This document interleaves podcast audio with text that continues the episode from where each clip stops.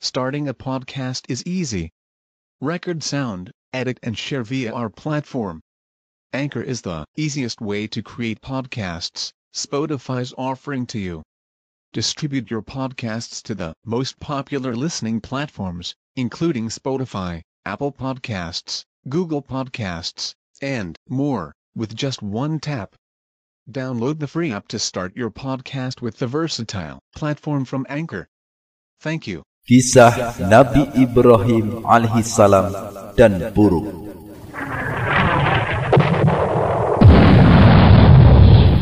Anak-anakku sekalian, semoga Allah menjadikan kalian anak-anak yang soleh dan yang solehah.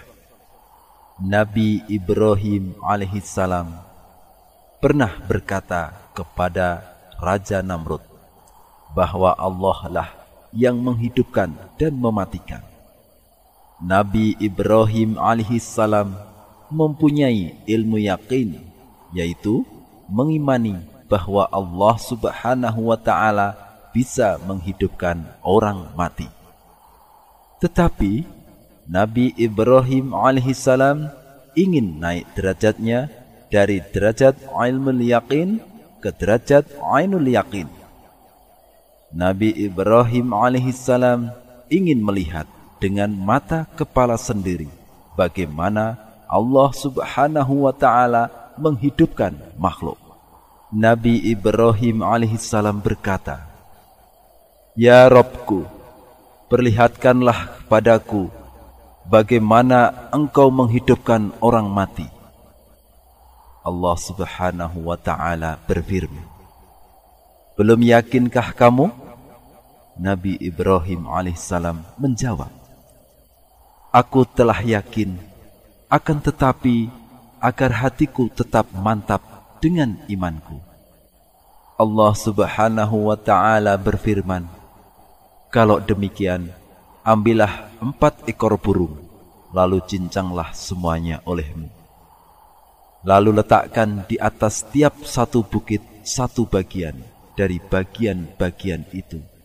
Kemudian panggillah mereka, niscaya mereka datang kepadamu dengan segera." Ibnu Abbas radhiyallahu anhuma menceritakan Kemudian Nabi Ibrahim alaihissalam mengikat empat burung dan menyembelihnya. Setelah itu beliau memotong-motongnya. Beliau juga mencabuti bulu-bulunya. Nabi Ibrahim alaihissalam juga mengoyak-oyak burung-burung itu kemudian mencampur adukkannya dan membaginya menjadi beberapa bagian.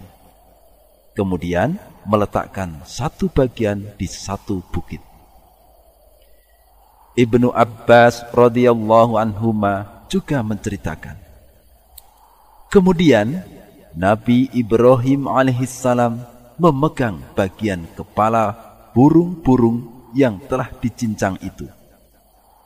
Lalu Allah Subhanahu wa taala memerintahkan kepada Nabi Ibrahim alaihissalam untuk memanggil burung-burung itu. Beliau pun melakukan yang diperintahkan Allah Subhanahu wa taala. Beliau melihat bulu-bulu burung-burung itu berterbangan berkumpul dengan bulu yang sejenis. Darah terbang ke darah yang sejenis demikian juga daging.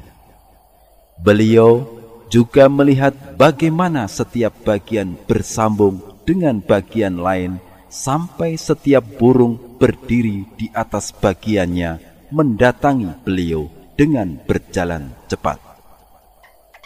Allah Subhanahu wa taala ingin menunjukkan kepada Nabi Ibrahim alaihissalam sesuai permintaan. Setiap burung datang mengambil kepalanya yang ada di tangan Nabi Ibrahim alaihissalam. Jika burung itu diberi kepala yang tidak sesuai, burung itu tidak mau. Jika diberi kepalanya, maka kepala itu tersusun dengan anggota tubuh yang lain sesuai dengan kehendak Allah Subhanahu wa taala dan kekuatannya. Sesungguhnya Allah Maha Perkasa, tidak dikalahkan oleh sesuatu apa pun, tidak bisa dihalangi oleh sesuatu pun. Apa yang Allah Subhanahu wa Ta'ala kehendaki pasti terjadi tanpa ada yang menghalangi, karena Allah Maha Kuasa untuk memaksa segala sesuatu.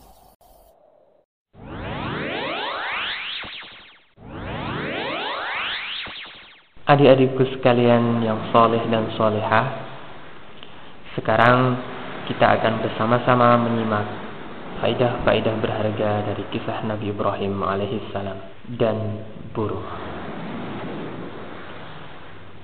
Di dalam kisahnya Nabi Ibrahim dan burung tadi Kita diajarkan untuk tidak boleh ragu dengan kekuasaan Allah subhanahu wa ta'ala karena Allah Subhanahu wa taala memiliki kekuasaan atas segala sesuatu. Selanjutnya, pelajaran yang kedua, kita juga tidak boleh untuk menzolimi binatang, yakni burung dan yang selainnya. Jika kita ingin membunuhnya, maka dengan cara disembelih. Jadi dengan cara yang baik, dengan disembelih dengan menajamkan pisaunya sehingga tidak menyakiti binatang yang akan kita bunuh.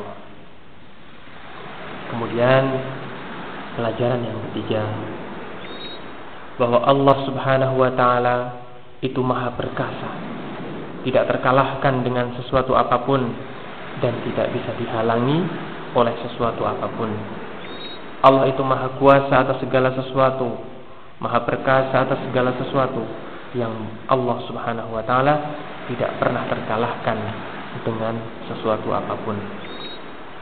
Faidah yang keempat tadi adikku sekalian, apa yang Allah Subhanahu wa taala kehendaki pasti terjadi karena Allah Subhanahu wa taala Maha Kuasa atas segala sesuatu.